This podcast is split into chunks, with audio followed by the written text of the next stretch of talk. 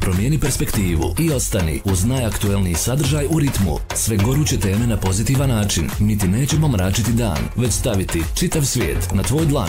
Hm, pardon, u tvoje uho. Pojačaj kameleon, jer od 8 do 12 je tvoje vrijeme. Dame i gospodo, sa vama je Amra Avdić. Dobro vam jutro, odnosno dobar dan. Vi gledate i slušate Radio Kameleon. Danas otvaramo jednu i tekako važnu i značajnu temu tiče se medija, odnosno sadržaja koje konzumiramo upravo kroz medije. Sjajna sagovornica upravo u našem studiju, ona je urednica RTVTK, novinarka, neko ko se zaista bori za istinu u medijima i uvijek pokušava da nađe pravi ugao koji će savršeno razumjeti njenog sagovornika, ali i publiku koja to sve prati. Njeno ime je Ivana Ferković-Pašić. Ivana, dobro mi došla bolje vas našla, ali ja moram reći da se ja ovdje ne osjećam kao gost, nego kao neko ko je dio tima. E pa dobrodošla kući. E, nekako, evo, napravila sam taj uvod, mislim da ono što konzumiramo ovih dana u medijima nikome nije jednostavno, a s druge strane susrećemo se i sa mnogo različitog sadržaja. Postoje ljudi koji imaju neko predznanje, koje imaju i kritičko iskustvo i analizu e, to jeste mogućnost da analiziraju medijske sadržaje, drugima je pak to ne tako jednostavno, pa često padaju pod različite uticaje. Kako ti kao novinarka sada pratiš ove svjetske medije i generalno kako analiziraš uh, upravo sadržaje koje dolaze do tebe? Pa osim što sam ja medijski radnik, ja dugi niz godina sam radila na Filozofskom fakultetu ocijeka za žurnalistiku. Imala sam priliku da e, iz te druge strane, možda neke naučno-istraživačke, e, sagledam e, kako zapravo mediji plasiraju e, informacije. Ono što se meni zapravo u savremenom medijskom svijetu pa hajde reći malo manje sviđa, jeste činjenica da mnogi mediji, bilo da se oni nalaze u virtualnom prostoru ili su ovi tradicionalni kakve, u kakvim radimo Amra, ti i ja, e, trude se da budu prvi. Po mom mišljenju, mislim da nije važno uvijek biti prvi, nego je važno biti tačan i istinit. Pa tek onda prvi, govorim po nekoj važnosti plasiranja informacija, a ono što se danas dešava jeste hiperprodukcija informacija, a ono što mi se još manje sviđa jeste da veliki broj portala, s obzirom da kod nas nema zakona koji uređuje tu oblast, živi samo od klika a taj klik ne mora nužno da znači i istinita e, pravovremena ili ne znam pismena informacija. To je nešto što mene kao medijskog radnika i kao nekog ko je u sferi tog naučno-istraživačkog rada u medijima poprilično frustrira. Koliko te frustrira s druge strane kada recimo primetiš u svom okruženju, evo ne mora biti najbliže okruženja, ali prosto susretneš neke ljude i onda načuješ neke informacije za koje ti znaš da prosto nemaju utemeljenje, da nemaju uh, sve strane priče onako kako, kako bi trebalo. Uh, da li misliš da im možemo nekako skrenuti pažnju i na koji način? Uh, Pa, Amra, moram priznati da se jako često u posljednje vrijeme susrećem sa pričama koje a, nužno nemaju drugu stranu. Ja sam neko ko uvijek voli čuti dvije strane bez donošenja vlastitog suda. A, uvijek sam neko ko a, voli a, ono dva put reži jednom sjeci, a tako se isto ponašam i kod plasiranja a, informacija. I a, nekako sam ja kao medijski radnik, ja ne znam koliko je to dobro, hoće li se druge kolege sa mnom složiti, pokušavam da selektujem informacije, sama da selektujem informacije koje do mene dolaze. To su prvenstveno informacije teškog i lošeg sadržaja. E, zašto to radim? Da bi sačuvala duševno zdravlje prije svega, s obzirom da kroz profesionalni angažman ne možeš biti sačuvano takvih vrsta informacija, ali kad već se nalazim u svom privatnom prostoru i ne znam, surfam na svom optelu, biram da ne gledam i ne čitam takve vijesti i vjeruj mi da znam na osnovu naslova da je ta vijest ili netačna ili da je tendenciozna ili samo senzacionalistička. Zbog toga nekako od sebe odbijam te vijesti, Prošle godine sam bila angažirana na jutarnjem programu radio televizije Tuzlanskog kantona koji izuzetno volim. Ove godine sam na nekim e, drugim projektima, ali e, kao urednik tog jutarnjeg programa trudila sam se da e, svojim gledateljima plasiram pozitivne vijesti. Nekako smo se umorili, Amra, od negative, umorili smo se od crnih vijesti i crnih hronike. Puno se negativnih događaja desilo, barem evo kroz ovo ljeto, ne moram ići negdje druž, dublje u, u prošlost. I zaista sam se trudila da budem neko ko će biti nositelj nekih dobrih vibracija vibracija.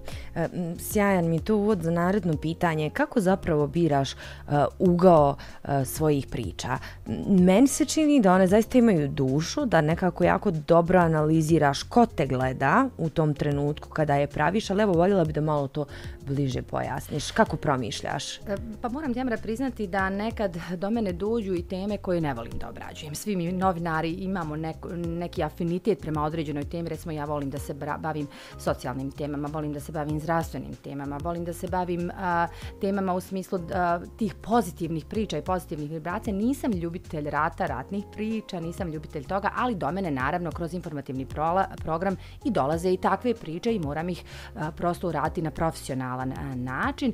A, jako teško je u takvim trenucima raditi bilo kakvu selekciju, ali ono što je meni važno jeste da ima minimalno dva izvora prilikom obrade svoje priče i e, da imam neku stranu koja će dovesti do nekih pozitivnih promjena. To je nešto što, što ja, u čemu ja uvijek težim u realizaciji svojih priča, ali kažem ti, neminovno je da kroz informativni program mi se bavimo i lokalnim i općim izborima i političkim pitanjima, naravno što je u suštini u sferi e, informativnog e, programa, da se bavimo nekim teškim temama. Ja sam bila na otvaranju masovnih grobnica, ja sam bila više puta u potočarima na različitim dženazama, na, na identifikacijama, E, na vještačenjima kod ubistava i tako dalje. Nisu mi to drage i bliske teme, ali sam uvijek se trudila da pristupim kao čovjek, da pristupim e, profesionalno i da izbacim emocije.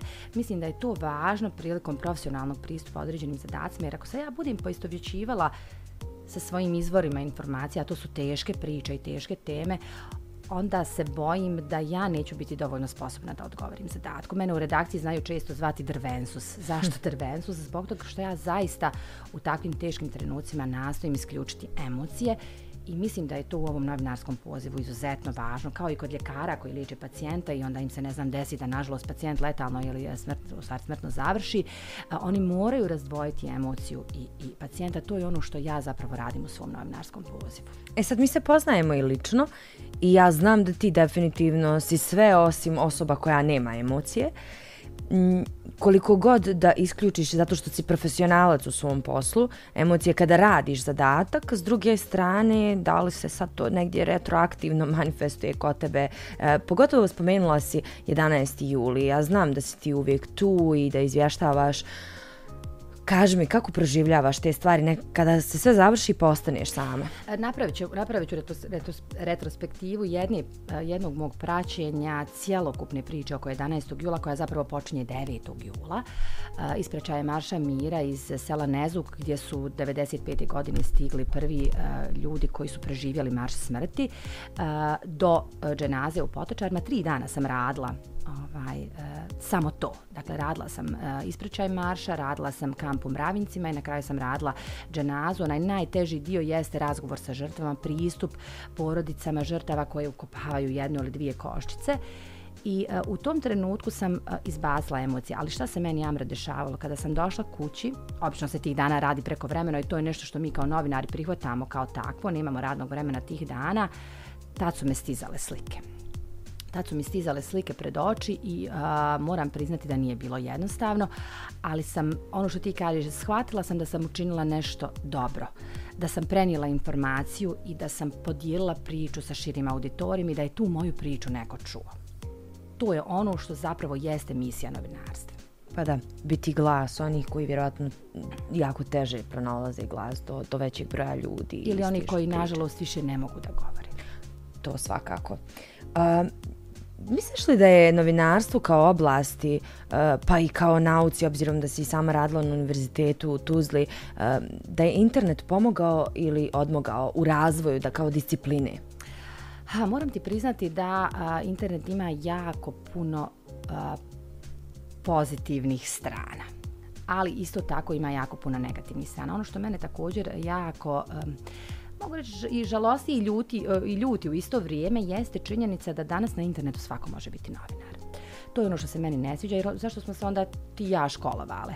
Dakle, nisam neki pobornik tog citizen journalism, odnosno građanskog novinarstva, da svako može biti kreator vijesti. Ja ipak mislim da kreatori vijesti trebaju biti ljudi koji su završili škole. Zato prosto ja ne mogu biti ni građevinar, ni ljekar, ni bankar, ja mogu biti ono za što sam se školovala, a internet je danas pun ljudi koji misle da mogu da budu glas javnosti. Ja zapravo mislim da ne može svako i ne treba svako biti glas javnosti i da u tom segmentu uh, i uh, plasiranja informacija i kreiranja informacija to trebaju da budu ljudi koji su sad u školu. Šta je tebe zaljubilo u ovaj posao? Ha, pa moram priznati da uh, novinarstvo zapravo uh, jeste i nije bila moja prva ljubav. Ja sam zapravo htjela da se bavim glumom.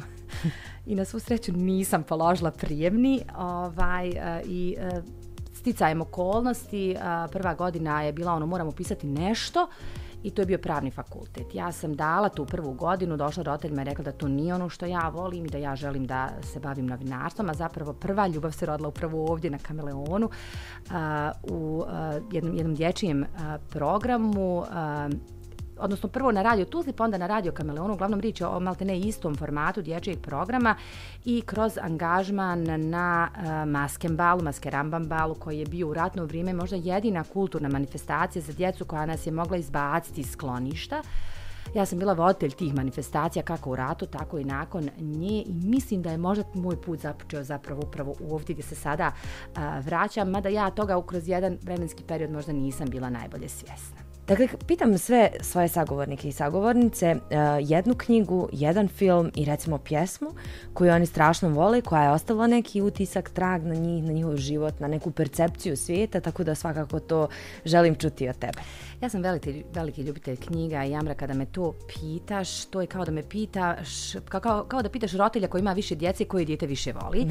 tako da e, ne mogu baš da se, da se svedem na jednu knjigu, mogu reći da mi se Živo Muso kao neki mladi autor najviše sviđa. Njegove knjige sam sve pročitala i čekam prevode nekih e, novih njegovih dijela. Bila sam veliki zaljubljenik u realizam, e, tačnije u La, Lava Nikolajevića Tolstoja i moram se pohvaliti da imam knjigu od mog pradjeda Rat i mir koja datira iz 1870. neke godine, staro ja. antikvitetno izdanje to je nešto što ja zapravo najviše volim imati takva izdanja u svojoj biblioteci, ali evo kad bi već morala odabrati jednu knjigu, to je nešto što mi evo posljednjih možda dva do tri mjeseca zaokuplja pažnju i razgovaram sa svojim prijateljima o toj knjizi, a to je knjiga Blank Feđi Štukana. Kad je u pitanju film, tu nema dvojbe, to je prljavi ples. To je film u kojem ja znam sve dijaloge, sve monologe i sve pjesme koji su svirale u određenim scenama. I od svih pjesama ne sviđa mi se najviše ona Had Time of My Life, nego pjesma koja se zove Hungry Eyes i koja mi je nekako posebno draga, mada su mi sve pjesme za to kavere. To je, dakle, Had ovaj, Time of My Life je pjesma koja je dobila Oscara za najbolji, najbolji kaver te godine i to je film kojim se uvijek rado vraća valjda zbog bavljenja plesom, ne znam, eto. I, hoću li ovo shvatiti da si mi na taj način odgovorila i koja ti je omiljena pjesma i koja je omiljena Pjesma film. i film, tako je. Sjajno. Hvala ti puno Ivana što si bila moja gošća. Mislim, tek smo načele neke teme, prosto nam ovaj format ne dozvoljava više vremena, ali ja zaista volim ono što ti radiš, jako poštujem i evo kažem još jednom, stvarno navijam da ta motivacija ipak ostane tu prisutna, jer mislim da nam ljudi poput tebe u ovom medijskom svijetu uvijek treba. Pa eto, ja se nadam da će tako, da će tako i ostati, ali ako ne bude Amra, ja sam uvijek neko ko će nositi pozitivu u sebi i širiti nešto što je samo pozitivno i dobro. Sigurna sam u to. Hvala ti još jednom. Hvala te. Hvala i vama što ste bili uz Radio Kameleon. Svakako ostanite i u nastavku. Promijeni perspektivu i ostani uz najaktuelniji sadržaj u ritmu. Sve goruće teme na pozitivan način. Mi ti nećemo mračiti dan, već staviti čitav svijet na tvoj dlan. Hm, pardon, u tvoje uho. Pojačaj kameleon, jer od 8 do 12 je tvoje vrijeme. Dame i gospodo, sa vama je Amra Avdić.